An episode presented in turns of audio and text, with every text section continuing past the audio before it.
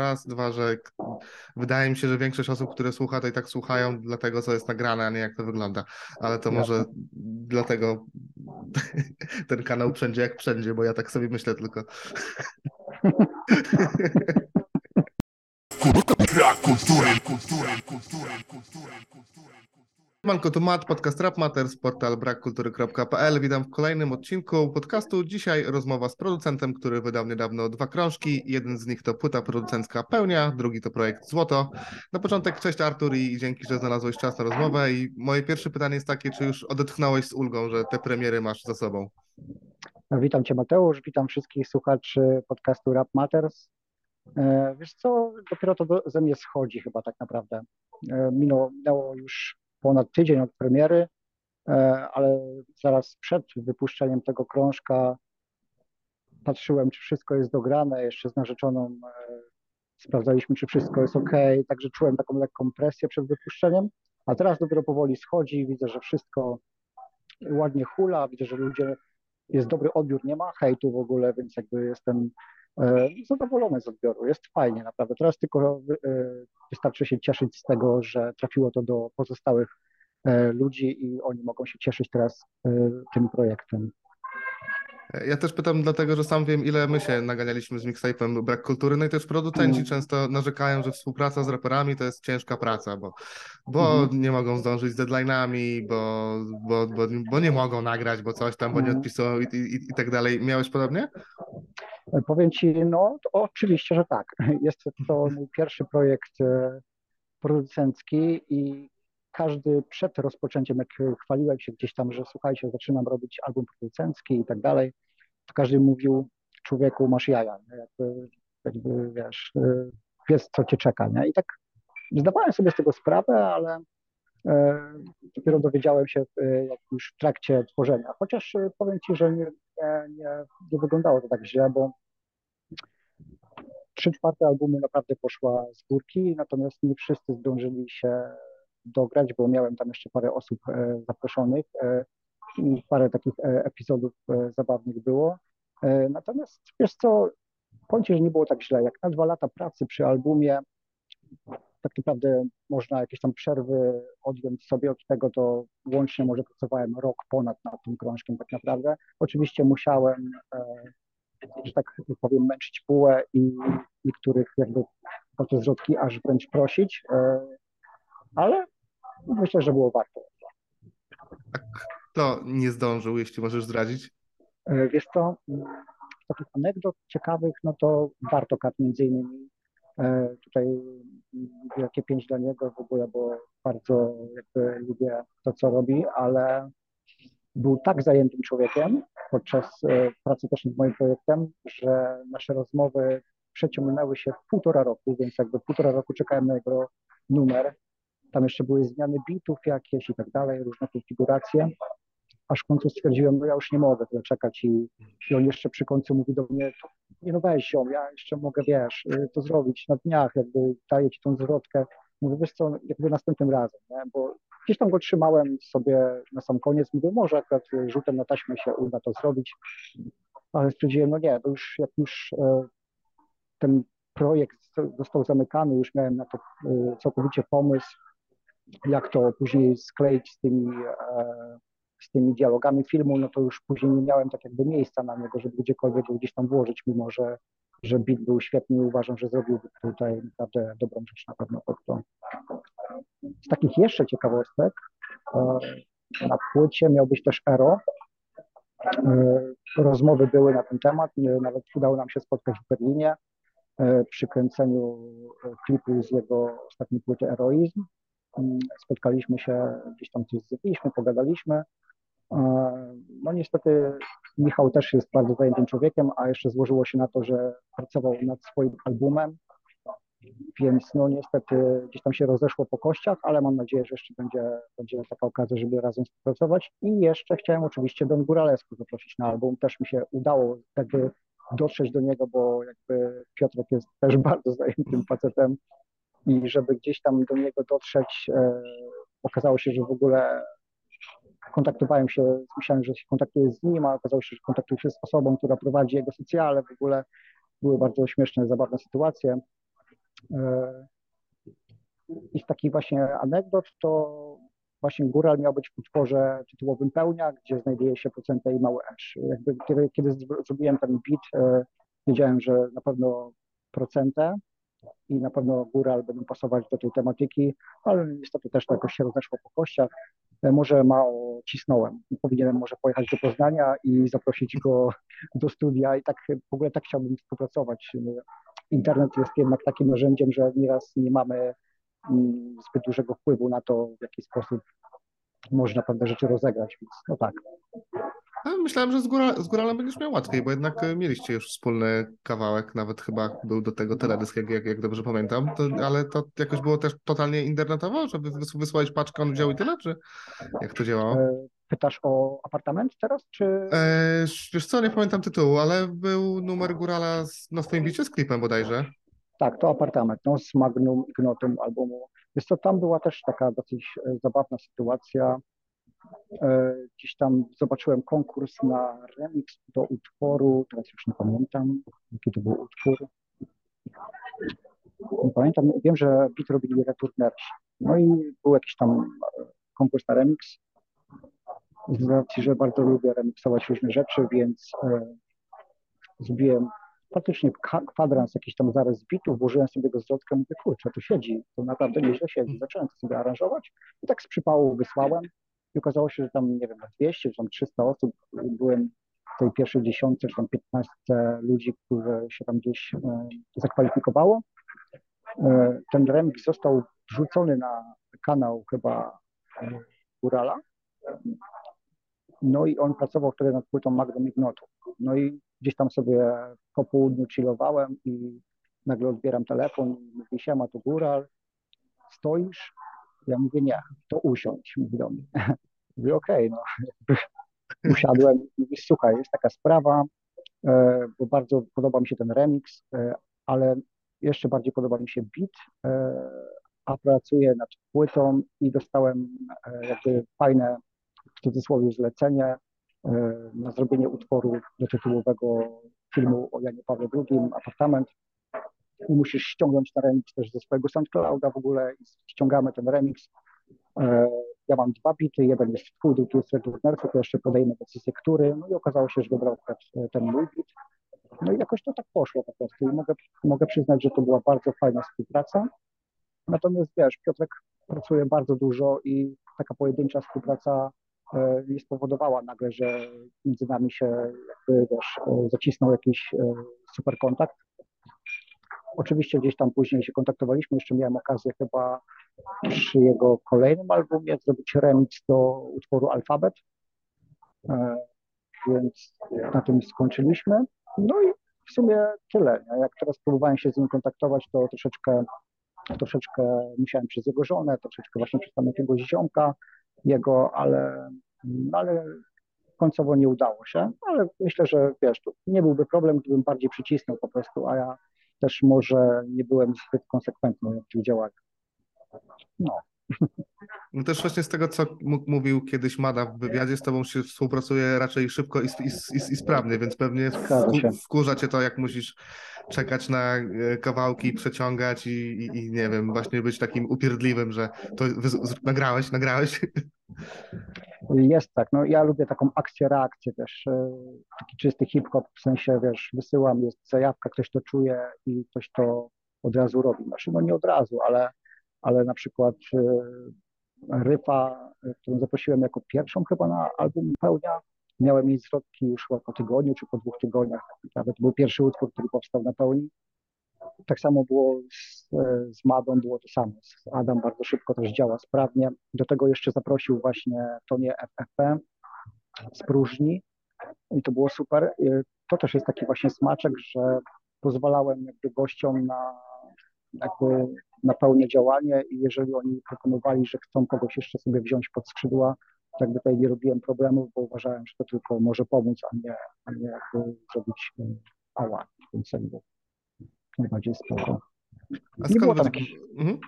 Nie było tam jakichś większych nerwówek, znaczy czasami jestem w gorącej wodzie kąpany, ale od tego mam swoją narzeczoną, która mówi weź wyluzuj, jakby wiesz, to musi wszystko działać naturalnie, musi to być po prostu po linii prostej, bez jakichś tam nerwówek, nie? Więc ona mnie tak troszeczkę, nawet nie troszeczkę, czasami jakby stopowała i mówiła, poczekaj, y, teraz czekasz na to, zajmij się kolejną rzeczą, no i tak jakby od jednego punktu do drugiego udało się wszystko złożyć w całość.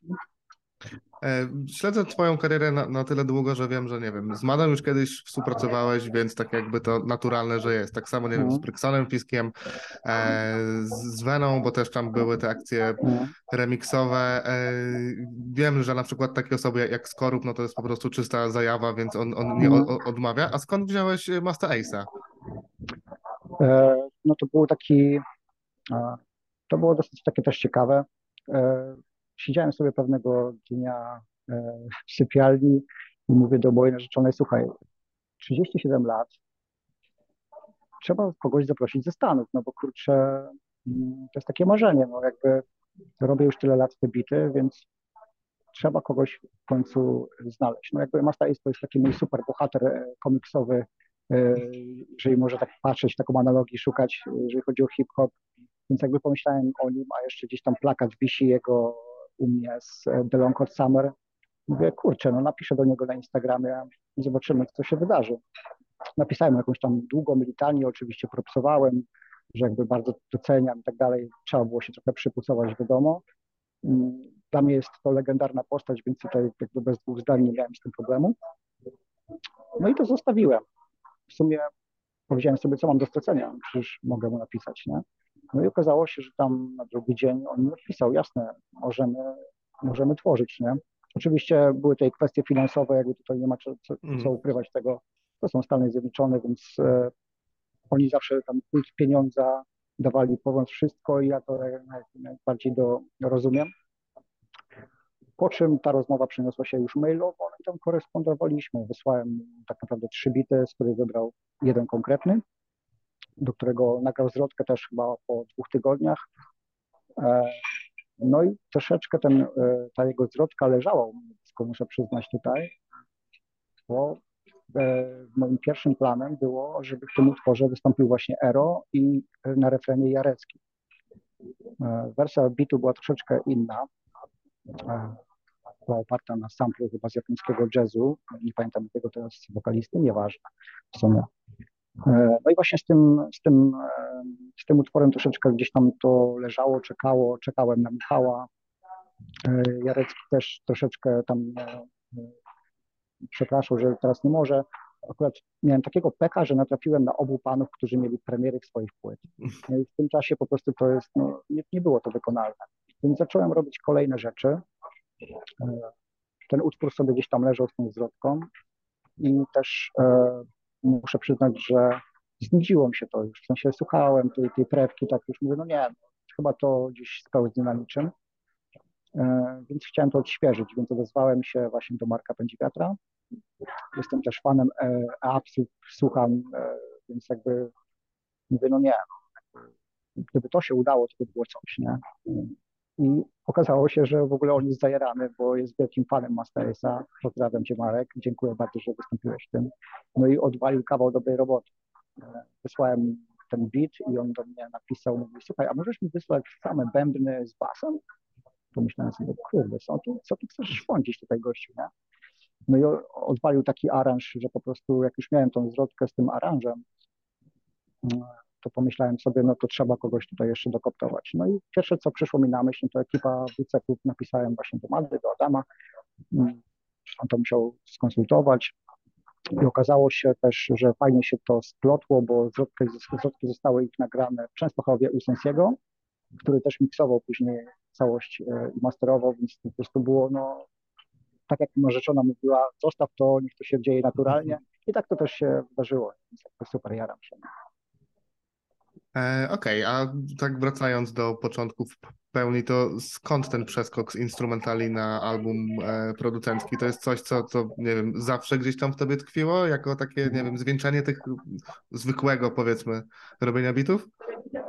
Wiesz co, no, u mnie to też wyglądało tak, że e, trochę wrócę jakby do początku, e, jak zaczynałem robić bity w 2003 roku, Miałem ze sobą swoją, swoją ekipę i też rapowałem, byłem też MC, więc graliśmy dużo koncertów i tak dalej. I zawsze chciałem robić produkując komputer. To było coś takiego, jak wychodziły płyty Returnersów, no to jakby ja byłem w szoku, że takie rzeczy można robić, jak, jak, jak na przykład Ostry zapraszał jakichś zagranicznych artystów na swoje albumy, no to cały czas gdzieś mi to tyle głowy się działo, ale ciężko było wtedy jakby rozgraniczyć to, bo była ekipa, były koncerty, było też robienie bitów. E, i troszeczkę się to przeciągnęło, jakby robić bity zawsze uwielbiałem. Instrumentalne projekty to też rzecz, e, którymi się jarałem od zawsze, ale w końcu stwierdziłem, że już jestem w takim wieku, że kurde, trzeba to zrobić przed 40 jeszcze, no bo ile można czekać tak naprawdę, więc powstało to dosyć naturalnie. Powiedziałem sobie, że muszę to teraz po prostu zrobić. E, jedyne, co było takie utrudnione, to, że zacząłem pracę tak naprawdę w trakcie pandemii, bo mm, zacząłem pracę w marcu 2020 roku.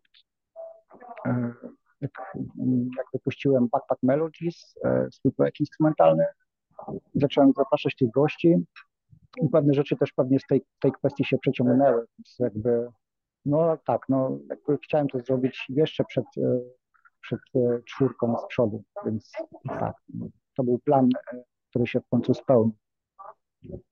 E, a próbowałeś to pchnąć do jakiejś, nie wiem, wytwórni, labelu, bo tak znasz się z chłopakami z, z WCK, oni mają jakiś tam swój własny kanał, no z procentem mhm. ma, ma Alochę, która tam mniej lub bardziej, ale jednak działa. Góral masz Padyzora, bo odzywałeś się do nich w ogóle w takich kwestiach, czy chciałeś ty puścić sami tyle? Wiesz co, mój dobry, od początku miałem taki plan, e, już wcześniej współpracowałem z Karolem Zającym z Hip Hop Cats, on działa jako wydawca, e, niezależny wydawca, ale, ale pcha też fajne rzeczy. E, I na początku chciałem jako pierwszy projekt puścić to w bardziej taki właśnie niezależny sposób, mm, a i tak udało się to zrobić fajnie, bo nie byłem odpowiedzialny za, za załatwianie różnych rzeczy z, związanych z wysyłką, był preorder. E, nie myślałem o tym. Wszystkie te osoby, o których wspomniałeś wcześniej, poznałem w trakcie robienia płyty tak naprawdę, oprócz Górala mhm. oczywiście, ale chłopaków z WCK, całą ekipę poznałem tak naprawdę w sieci. My się nigdy nie poznaliśmy znaczy chłopaków, kurde, bo jak tak trochę też wrzuciłem, to e, przecież jest ryfa, przepraszam. Jest ryfa. Nie, tak, tak, przepraszam. Tak. Kto tam jeszcze? Procentę. Okazał się w ogóle też świetnym, e, świetnym e, kolegą i był bardzo pomocny w tym wszystkim. Więc oni i tak pomogli w dużych, dużo kwestii, w dużych kwestiach tutaj przy tym albumie, bo procentę dał mi kontakty do człowieka, do Damiana Michalaka z Studio, który ogarnął właśnie scenariusz. Ja byłem w szoku, jak ja dostałem gotowy klip po dwóch, trzech tygodniach od nakręcenia klipu. Dla mnie było, ja już gdzieś tam parę klipów kiedyś e, robiłem i zawsze to się czekało dłużej. Nagle po dwóch, trzech tygodniach dostaję klip gotowy i mówię, ej, tak chcę współpracować, tak, tak to właśnie ma wyglądać. No, więc jakby tutaj e, Michał Procent, jakby dziękuję mu bardzo za to, że włożył też dużo pracy, dużo chęci. On też mi mówił, że dziękuję za to w ogóle, że taki projekt pcham na jego kanał. Więc tutaj współpraca jakby była. Myślę, że z kolejnymi e, projektami, które gdzieś tam mam już w głowie, mniej więcej mam parę pomysłów, e, co chciałbym zrobić.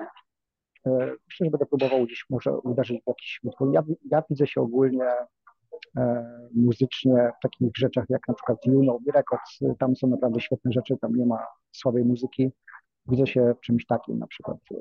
W większych labelach raczej nie widzę sensu, bo też mam już e, swój wiek, musiałbym zaprosić naprawdę gości, którzy są chyba e, na topie, żeby gdzieś tam mogli spojrzeć na to, ale, ale nie wiem. Zobaczymy, jak to będzie. Ja już jakby swoją listę kolejnych gości mam spisaną w swoim, w swoim zeszycie, bo prowadzę swój taki e, zeszyt, więc jakby jak najbardziej myślę, że to może być ciekawe, jeżeli wszystko uda się dobrać. Nie? Ale to zobaczymy dopiero w przyszłym roku, jak zacznę pracę przy kolejnym projekcie. Okej, okay, równocześnie, właśnie, właśnie, czy y, y, równocześnie z pełnią powstawał projekt Złoto, czy to zupełnie inna tak. zajawka? Zgadza się, to w ogóle to był spontan. Jak wyprodukowałem singiel Każdy ziomal, każdy mój ziomal to zna, to jakoś tak y, złapałem fajny kontakt z Sensim, E, oni te, wtedy mm, nie nagrywali jako huragan, mieli jakiś taki krótki przestój. E, no i Sensi mówi, dawaj wysyłaj bity, masz jakieś bity, to wysyłaj. Więc wiesz, ja, ja mam pokaźne archiwum, tak naprawdę prowadzę swoje archiwum sampli, breakbeatów, e, różnych rzeczy e, związanych z jakimiś e, e, wokalami, akapelami i tak dalej. Prowadzę od 2010 roku. Z tego jest naprawdę, tych bitów jest sporo. E, I czasami jak wysyłam, to ślęczę i się zastanawiam, co mam tutaj wysłać. Moja narzeczona zawsze mówi, nie jakiś swoich bitów, człowieku, e, jak masz okazję, to wysyłaj. Więc tak wysyłałem Sensiemu i oni po drodze, on po drodze spotkał się właśnie z Chwiejskim, którego ja osobiście też nie znałem. E, Poznaliśmy się dopiero jak już płyta była skończona, to zbiliśmy pięć w Częstochowie w studiu. I chłopaki po prostu sobie chodzili do studia, kręcili jointy i sobie pisali teksty i to powstawało w takim e, spontanicznej atmosferze, że później jak się dowiedziałem, że jest szansa w ogóle to wydać, e, to byłem w wielkim szoku, bo ja bardzo doceniam wytwórnię Queen Size Records. E, Zawsze byłem fanem rzeczy, które tam wychodziły. I nagle od tak się okazało, że wydajemy to w Queen Size. Ja mówię, o kurde, to takie proste to było jednak, naprawdę. Więc jakby byłem naprawdę zaskoczony miło. No i świetnie, no i mamy głos w Size Records i jestem z tego bardzo zadowolony. Pozdro Sensi, dzięki za wszystko też, bo to też e, była kolejna osoba, którą spotkałem na swojej drodze przy pełni, który naprawdę pomógł. Bardzo dużo osób było zaangażowanych w ten projekt, e, które pomogły też w różnych aspektach, więc, więc mega się jaram, że mogłem spotkać na swojej drodze takie, takie fajne osoby. Tak, y, K- K- Queen Size w sumie jakoś chyba ostatnio, nie wiem, wydawali coś takiego większego, czy bo wcześniej był Metro, nie? By, były płyty Grafa, Tak. ale chyba tro, Mhm. trochę mieli przerwy. Albo mi się po prostu gdzieś tam zlało. Nie wiem, Mhm. czy, czy śledziłeś jakoś Wiesz bardziej? co, chyba, chyba nie wydawali. Ostatni był Graf chyba i chyba e, Zon e, z wokalistką Magdą, tylko nie pamiętam teraz nazwiska, przepraszam. E, Czy to było nazwisko, czy to był jakiś na- nickname, nie wiem. Mhm. E, Ale no nie wydawali dużo, ale to też jest chyba spowodowane tym, że to nie jest jakaś wielka wytwórnia, nie? To jednak to Nie, są to taka- zajawkowicze. Zajawkowicze, tak jest, bo tam chyba właśnie winyle i kasety, nie? Wiem, że Metro nie wychodził Mm, już chyba później nawet na, na CD. E, Bo coś, coś tam, coś tam na początku mam. Jak, jak wychodziło na, na, na kompaktach, Mm. to brałem, a już na, na, na winylach nie. E, Mm. dobra, mówiłeś, że, że jesteś w miarę zadowolony z tego, jak ludzie odbierają e, pełnię, ale nie miałeś jakichś, jakichś tam większych e, oczekiwań, bo chyba trochę e, jednak zainwestowałeś w promocję, nie? Czy, czy, czy to tylko moje wrażenie? Mm, Tak, no tam inwestycja była chyba, popełniłem rekord, muszę powiedzieć, bo jeżeli chodzi o jakieś tam kwestie finansowe, e, rzeczywiście wiem, że ta inwestycja się nie zwróci w postaci pieniędzy, natomiast zwróci się, zwróciła się na pewno w postaci odbioru, bo jestem bardzo zadowolony, jak wiesz, e, nie jestem jakimś znanym artystą, natomiast e, liczba odbiorców znacznie się zwiększyła to zauważyłem, czy to chodzi o Spotify, czy gdzieś tam mm, osoby na moich socjalach, które gdzieś tam dają mi feedback o tym, że ten album naprawdę ich powalił na kolana. To są miłe słowa. Fajnie jest słyszeć coś takiego. e, Tym bardziej, że to jest jeszcze świeże, nie? bo tak naprawdę mamy półtora tygodnia po premierze. Co się z tym wydarzy później? Czy to przetrwa? No, mam nadzieję, że tak, ale zainwestowałem sporo i czasu też i, i, i pieniędzy, więc jakby warto czasami, no jednak czasami, żeby wyjąć coś, nie zawsze w postaci pieniądza, ale żeby jednak się rozwijać, no to trzeba, trzeba też coś włożyć, nie? To nie jest tak nigdy, że to przyjdzie samo i często jest tak, że producenci czekają, ktoś się do nich odezwie, mają swój jakiś tam status, bądź też ego im nie pozwala odezwać się do kogoś. Ja uważam, że jednak jeżeli masz jakieś wymagania wobec siebie jako producenta i chcesz, żeby cię usłyszało większe grono ludzi, no to musisz działać, musisz do nich po prostu e, uderzać sam. Mam tutaj na myśli właśnie artystów, i to później się może przełożyć na większy odbiór. Tak to moim zdaniem powinno wyglądać. No i też chyba trzeba być e, konsekwentnym i cały czas te bity tłuc, bo ty od, od tego 2020 roku, kiedy było, wyszło Backpack Melodies, to Mhm. po, wydałeś bodajże pięć e, materiałów. To jakaś taka nagła zajawka, która cię dopadła, bo bity ro, robiłeś wcześniej, tak jak, tak jak mówiłeś. Najstarsza rzecz na, na Bandcampie to chyba 2014 rok, te, te pierwsze Mhm. e, ins, instrumentale, ale widać, że od tego 2020 roku jest tego jakby, nie wiem, ze, ze trzy razy więcej niż wcześniej. Zgadza się, zgadza się. Wydaje mi się, że to też ten czas pandemiczny miał tutaj wpływ na to, wiesz, bo to jednak, um, kiedy to wszystko się stało, ja byłem w Niemczech, moja narzeczona jest w Polsce i um, jakby jesteśmy ze sobą na odległość um, i w pewnym momencie mieliśmy coś takiego, tam były te akcje ze szczepionkami, czy można jeździć z Polski do Niemiec, czy nie można. I ja w pewnym momencie mieliśmy pół roku przerwy, rozumiesz? Nie widzieliśmy się pół roku non-stop, tylko wiesz, e, FaceTime przez, przez Messenger i no, w pewnym momencie miałem naprawdę bardzo dużo czasu. Nie? I, no i robiłem po 5, 6, 7, 8 bitów czasami dziennie i się tego nazbierało. To był chyba najbardziej mój produktywny rok 2020. Um, niestety ten rok nie był dla nas taki łaskawy, bo też e, w marcu odeszła mama mojej narzeczonej, a w sierpniu odeszła moja mama i ja już byłem, wiesz, w trakcie, ta płyta była zamknięta, no i mówię, no kurde, no nie mogę teraz tego przetrwać, przerwać i trzeba, trzeba działać. Więc jakby ten rok y, dał nam dosyć mocno w kość. Y, mam nadzieję, że się będziemy powoli podnosić w przyszłym roku. Y, no ale wydaje mi się, że ten 2020 rok dał mi na tyle kopa i uzmysłowiło mi to, że jednak robienie rzeczy i dzielenie się nimi ma większy sens niż gdzieś tam chowanie tego w szufladzie i czekanie, jak coś się wydarzy. Więc jakby no, zdecydowanie warto. E, no właśnie, bo polskich producentów, którzy y, robią w dużej mierze właśnie instrumentale tylko, jest naprawdę wielu, choć trzeba przeczesać to pod ziemię, by, by do nich dotrzeć. Czy ty się czujesz częścią jakiegoś takiego ruchu, czy jednak działasz sam i e, nie wiem, nie, nie integrujesz się z nimi, czy, czy nie wymieniasz żadnych mhm. w ogóle e, feedbacków chociażby? Wiesz co, jeżeli masz na myśli jakieś takie właśnie grupy ludzi, tak jak najbardziej. Ja tutaj doceniam bardzo dużo producentów, jest zdolnych E, nie wymienię teraz nikogo, bo nie przychodzi mi do głowy, e, ale jest bardzo masa e, ludzi uzdolnionych. Jak patrzę sobie na grupy, chociażby TM, The Main Ingredient to jest taka mhm. grupa. Tam jest chyba dla beatmakerów ta grupa też również. Tam sobie czasami wchodzę, no to tam ludzie robią naprawdę sztosowe rzeczy i Teraz to już jest pytanie do nich tak naprawdę, czy oni to chcą robić gdzieś tam w zaciszu swojego domu, nie chcą tego pchać gdzieś dalej, czy, czy u mnie tej integracji może takiej nie ma, dlatego że skupiłem się jakby, że chcę, mam swój określony cel i chcę sobie go pchać, ale jak najbardziej do przodu, ale jak najbardziej jak najbardziej nie widzę problemu, żeby móc współpracować też z innymi producentami. To też jest świetna rzecz, chociażby tak jak e, przy okazji współpracy z Markiem Podziwiatem, który jest e, instrumentalistą.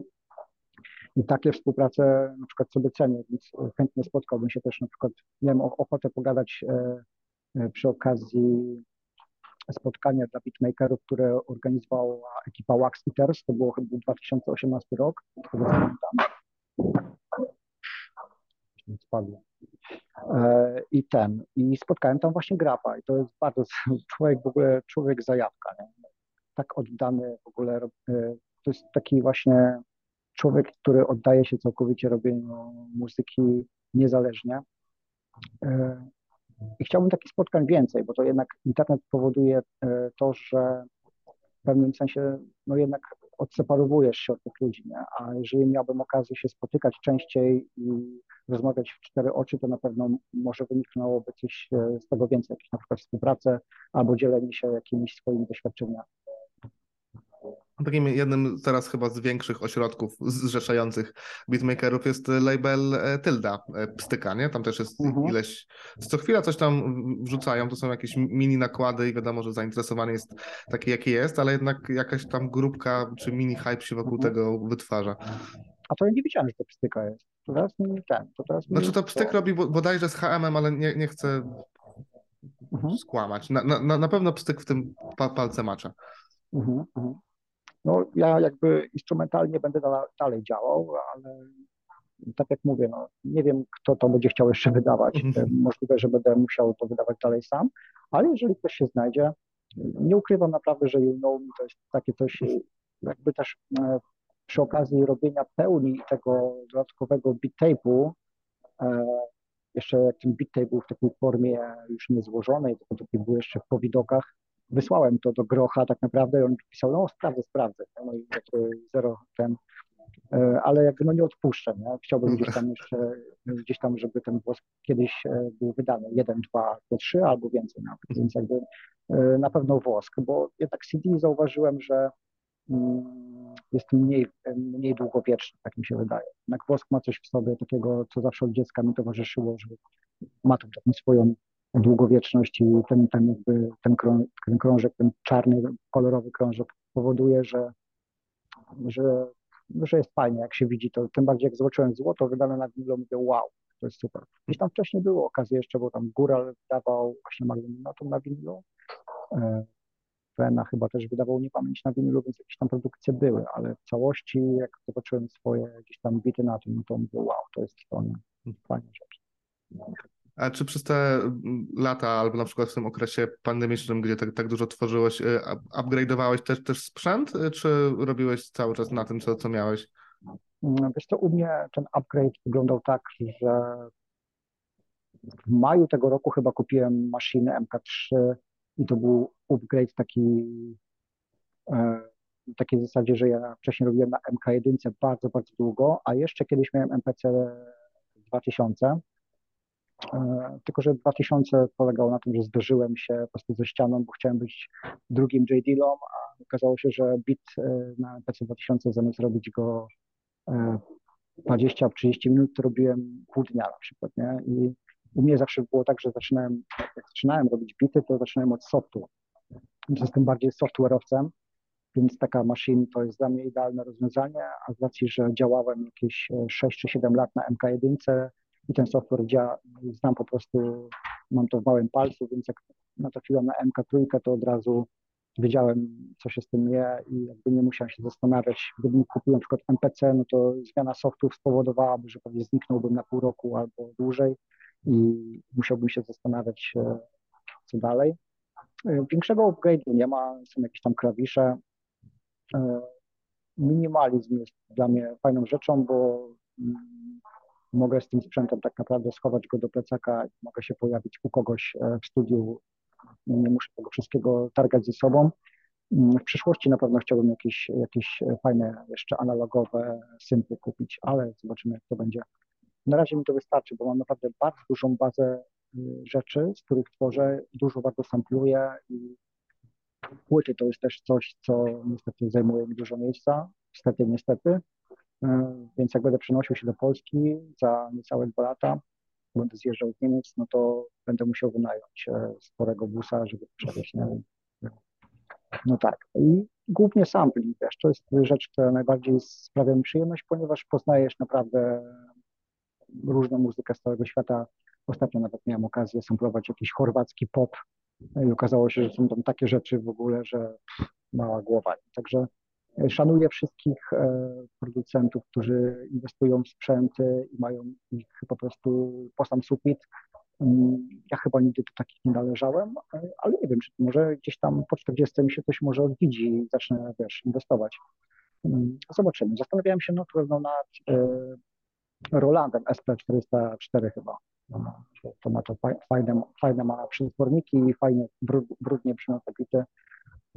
No i czasami jak sobie oglądam Urbka i widzę jego SP1200, no to po prostu e, zazdroszczę mu, bo po prostu no, kupił Maybacha i no, jest to już kiedyś oglądałem na eBayu, jak jeszcze SP kosztowało około 1800 dolarów, teraz kosztuje chyba około 4000 dolarów. Nie jakby jakaś cena w ogóle zaporowa mocno, więc no ale tam to wszystko od razu brzmi. To jest, to jest ten plus właśnie analogowych sprzętów, że tam bębny brzmią już po prostu dobrze.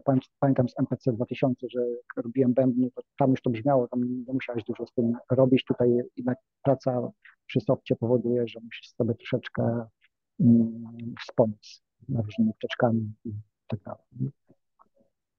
E, I mam jeszcze takie podstawowe pytanie, ale jak się tego wszystkiego nauczyłeś? Bo rozumiem, że można samemu próbować, ściągać sobie właśnie, nie wiem, Fruity mhm. Loopsa nawet i, i dłubacz, ale kiedy przeradza się to w coś poważniejszego? To jest proces, czy, czy gdzieś tam, nie wiem, w końcu stwierdzasz, ok, robię, siadam, aż nie wyjdzie i w końcu wychodzi? Mm. Kurczę, no, wiesz co, to u mnie to był bardzo długi proces. E, e, w 2003 roku albo 2002 roku Tutaj pozdrawiam mojego kolegę Piotra Postrożnego, PMC. Piotrek zajmował się w Miejskim Ośrodku Kultury nauką robienia bitów. I też było studio nagraniowe, takie wiesz, pierwsze jakieś takie podrygi hip-hopu w naszym małym mieście. Ja pochodzę z małego miasta Nowa Ruda na Dolnym Śląsku. No i on nam pokazał coś takiego jak match tracker. No. O mój Boże, jakie to było strasznie toporne narzędzie. I słuchałem wtedy płyty instrumentalnej Nuna, nie pamiętam której. No jak usłyszałem, jak to brzmi na, na Matrackerze, to mówię, no nie, no nie ma szans w ogóle, jak ten Nun to robi. Dopiero później się dowiedziałem, tam miałem 17-18 lat, że on to robił na MPC właściwie. No i ten Matracker w ogóle mi nie podpasował, no i właśnie trafił do moich rąk Fruit Loops. To była chyba druga albo trzecia odsłona Fruit Loopsa. Oczywiście Pirat, no bo wiadomo. W tamtych czasach, no szanujmy tak, się. Jasne. I śmieszne było to, kiedy nagrywaliśmy swoje pierwsze demo w 2003 roku. Aranż robiłem w Magic Music Makerze. Nie? Rozumiesz to? Nie miałem żadnego dawa, nie, nie miałem pojęcia. Dopiero chyba dwa lata później w moje ręce trafił ACID Pro. No i całą swoją demówkę stworzyliśmy na Magic Music Makerze. Oczywiście bity były robione w Fruit Loopsie, ścieżki przerzucałem w formie tych klocków na Magic Music i wokale też wkładałem do Magic Music Makera. Ja nie wiem, jak ja to zrobiłem, ale no nie było wtedy żadnych tutoriali więc metodą prób i błędów e, stworzyłem sobie jakby z Magic Music Makera DAWa. No i okej. Okay. No i jest to metoda prób i błędów, to jest długi proces. Podejrzewam, że gdybym miał osobę przy sobie, która pokazałaby mi rzeczy wtedy, to mm, ta droga, ten proces trwałby krócej. Natomiast tak naprawdę od 2003 roku do 2009 roku to była częsta zmiana software'u e, i w końcu jak wpadł w moje ręce y, program Reason z firmy Propelheads, chyba to się tak nazywa ta firma, no to wtedy to już było fajne przejście, bo ten soft e, naprawdę tam można było robić cuda. No i, i dzięki temu gdzieś tam tej mojej walce sześcioletniej z tymi różnymi programami okiełznałem jakby swój, e, nazwijmy to, proces twórczy. No i udało mi się stworzyć cztery bity na płytę Shada Akrobaty z 21 e, gram. Więc tam to było w 2010 albo 2011 roku wyszła ta płyta i to było takie moje oficjalne, nazwijmy to, e, wejście na jakąś tam legalną produkcję, to, nie? Więc ten proces był bardzo długi. Od tego 2003 do 2011 roku ja naprawdę cały czas się uczyłem, a już od 2011 do 2012 roku mm, wiedziałem, jak, jak już te bity tworzyć, wiedziałem, co zrobić, by brzmiało to tak, tak lub tak. No i później to już było taki rozwój, ale taki już taki tylko w dobrą stronę, w sensie, że nie zmieniałem zbyt dużo swojego procesu twórczego, e, natomiast wiedziałem, jaki chcę mieć workflow. No i tak się skończyło, że mam właśnie zminiaturyzowany sprzęt, ale to mi bardzo odpowiada, bo okiełznałem swój workflow, y, jak siadam do bitu teraz, to wiem, wiem od czego zacząć i tak naprawdę wiesz, y, zanim napiję się łyka kawy, to mam już gotowy na przykład pocięty sample, czy dograną linię basu, zrobiłem perkusję, zapisuję, robię kolejną rzecz, nie? więc y, chyba najważniejsze w tym wszystkim jest mieć swój workflow, żeby się zbyt długo nie zastanawiać nad tym, co chce się zrobić i, i wtedy fajnie to płynie. I czy właśnie też przez e, praktykę nauczyłeś się teorii, to znaczy, nie wiem, tego, czy bas fałszuje, tego, jak są pocięte mhm. sample, bo e, zastanawiam się, czy da się to tego nauczyć bez indywidualnego takiego dłubania w, na przykład w Fruity Loopsie, bo ty bardzo ładnie potrafisz opisywać to, co słyszysz, co było, mhm. E, dało się u, przeczytać w, w artykule Beat It u Flinta. Mnie tego trochę brakuje, dlatego ja też rzadko recenzuję mhm. albumy instrumentalne, chociaż słucham ich dużo. No i właśnie, czy definicji da się bez tej, bez tej praktyki na, nauczyć? Wiesz co? Albo bez takich, nie wiem, jasnych przykładów, nie? Słyszysz dwa bity, tutaj ktoś ci mhm. mówi, patrz, słuchaj tego basu, tu fałszuje, tu jest dobry. Mhm. Z tym fałszowaniem to u mnie jest to różne. Z basem natomiast jest taka sytuacja, że bardzo długo nie potrafiłem tego basu dogrywać. Nie? Właśnie u mnie często ten bas fałszował. E, I mój kumpel który gdzieś tam robił też bity, teraz nie wiem, czy robi, ale to było ze starych czasów, on miał idealne po prostu podejście do tego, że on siadał i ten bas po prostu e, dogrywał od razu, a ja się męczyłem. Musiałem gdzieś tam, e, jak nie wiedziałem jak dograć bas, w ogóle sam, zacząłem samplować na początku rzeczy bez perkusji w ogóle, bo nie potrafiłem podłożyć bębnów pod sample z bębnami. To były takie jakieś, wiesz, rzeczy dla mnie, e, które były kiedyś czarną magią, teraz to jest jakby żaden problem, ale wydaje mi się, że bez praktyki ciężko jest e, z samego słuchania.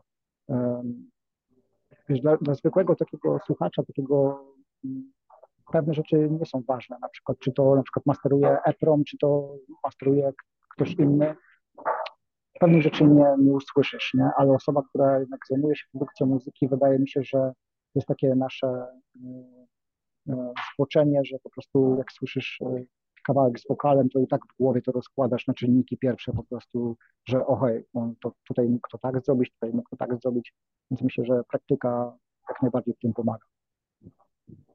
E, Okej, okay, na koniec pytanie o top 3 polskiego rapu dla Ciebie. Wow. Okej. Okay. Kurde, bardzo ciężkie pytanie, bo z tym, tym polskim rapem to u mnie jest tak, e, że mało bardzo słucham.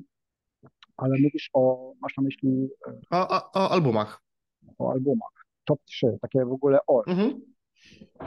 Wezmę łyka kawy zobaczymy teraz, jak mi pójdzie.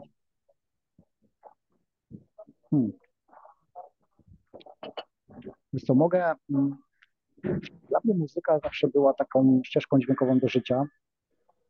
I często jest tak, że mm, te albumy, które towarzyszyły w naszych, e, w naszych jakichś fajnych e, lub niefajnych momentach życia, zapamiętujemy i mamy z nimi jakieś tam wspomnienia. Więc może ja pójdę tą ścieżką, bo tak naprawdę w każdym dniu mógłbym się wymienić różne albumy. Mm. Ale gdybym miał wymienić e, z takich rzeczy, wow, trzy to naprawdę, nie da się tego zrobić, ale spróbujmy. Mm. Na pewno Gramatik Światła Miasta. To jest taka płyta, która bardzo długo mi towarzyszyła i byłem pochłonięty nie samymi tylko zwrotkami, ale głównie te bity po prostu, one miały taki klimat, że no jest ta płyta ponadczasowa, ona jeszcze przeżyje bardzo, bardzo długo. To jest to klasyk, nie? Tutaj jakby to jest numer jeden, ale jakby nie stawiam tego czy na pierwszym, czy na trzecim, czy na drugim miejscu. Powiedzmy, że gramatik, światła miasta. Myślę, że Kasta, Kasta Tomy to jest płyta, z którą się też utożsamiam zawsze, ponieważ w pewnym okresie, jak słuchałem już bardzo dużo amerykańskich rzeczy, takich wyszukanych, jakiegoś undergroundu west coastowego i tak dalej, to naprawdę były rzeczy na wysokim poziomie brzmieniowym i w Polsce gdzieś tam często mi tego brakowało. Nie potrafiłem się utożsamiać z polskim rapem bardzo długo, mimo że sam w ogóle rapowałem, co jest w ogóle dziwne. Ale Kasta, Kasta Tomy to było coś takiego, że e, Góral z, z Waldkiem, oni brzmieli po prostu po amerykańsku. Nie? I tego szukałem w Polsce wtedy akurat. I no cholera, nie? jeszcze te bity DJ Kato, Magiery, no to to było jakieś mistrzostwo świata. Więc myślę, że Kasta Tomy, tam jeszcze była druga płyta instrumentalna w ogóle, na przykład DJ Kato, więc to było jakieś mistrzostwo świata, w ogóle, że takie rzeczy wtedy wychodziły w Polsce. Numer trzy. Hmm. Nie wiem, czy coś innego od ostrego bym tutaj wrzucił, bo to tego hmm, chociażby jazz w chwilach, powiem, to no powiedzmy, że od Adama to jest mhm. rzucę, bo tak Adam to jest, y, teraz ludzie mają na jego temat różne opinie, ja tam nie wnikam w to y, po, po co, natomiast Jazz w wolnych chwilach to jest taki kompletnie też projekt moim zdaniem też ponadczasowy, który przeżyje, przeżyje bardzo długo. No i zajawka Adama w ogóle jazzem i to, jaką kumatą osobą, jeżeli chodzi o produkcję jest i, i był wtedy już, E, powoduje, że ten album wywarł na mnie ogromne wrażenie.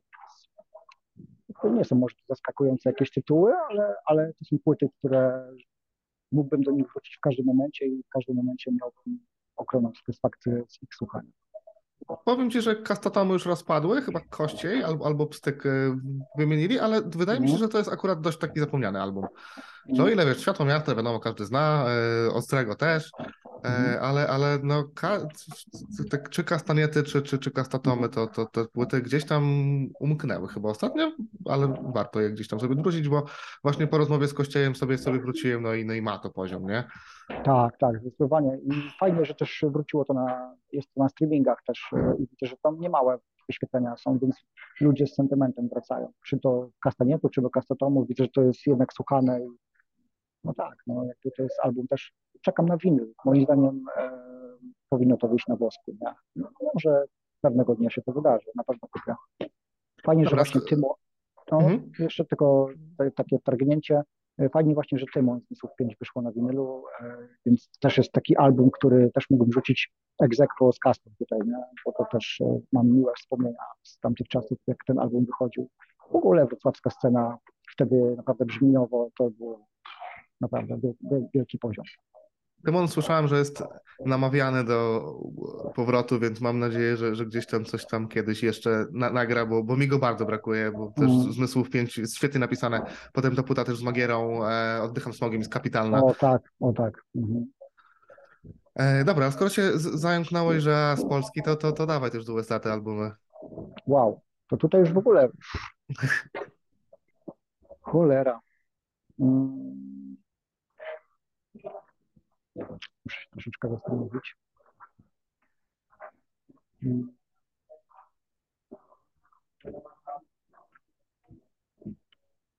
Też może przegadam trochę tę ciszę, bo to jest o, tyle trudne, że często do tych klasyków, których się słuchało, nie wiem, z 10 lat temu, wraca się teraz bardzo rzadko. Przynajmniej ja tak mam, że jak kiedyś, nie wiem, gangster kotowałem, to teraz już tam Mhm. czasem sobie gdzieś raz włączę płytę, Mhm. ale przyznam, że już tak, no to, to, to nie jest to. E, Along Hot, Hot Summer, które wspomniałeś, to jest coś Mhm. takiego, co, czego Mhm. mogę słuchać non-stop i mi się nie, nie nudzi, ale jest dużo rzeczy, które, nie wiem, jakiegoś tam e, Stance Plants and Hip Hop e, D- D- Diamonda D to jest płyta, do której wracam raz na 5 lat, a Mhm. kiedyś ją kotowałem n- non-stop i byłoby w Jasne. moim top 3, a teraz już Jasne. chyba nie.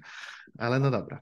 Na pewno takim albumem to będzie McCann the Soul brata Pitroka Okej. i C.L. Smoota. To, to jest płyta, do, którą mogę puszczać non-topper, bo po prostu to ma swój klimat, czy jesteś, nie wiem, y, czy sobie śmigasz po mieście, czy jedziesz samochodem, czy no po prostu jest świetnie wyprodukowane. No, Są tam naprawdę mega, mega rzeczy. Myślę, że to były głowę.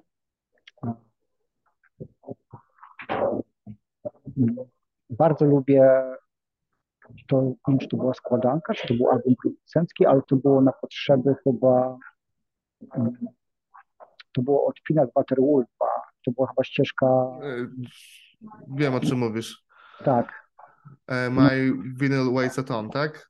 tak, Pewnie. dokładnie, dokładnie, Mhm. tak, tak, tak, to, to, to są rzeczy, które po prostu wow. E, No i musi tutaj być J. Dilla, jestem jakby psychofanem J. Dilli, więc e, gdybym miał wybrać J. Dillę, mm, któryś z jego albumów, e, kurde, to będzie ciężkie też.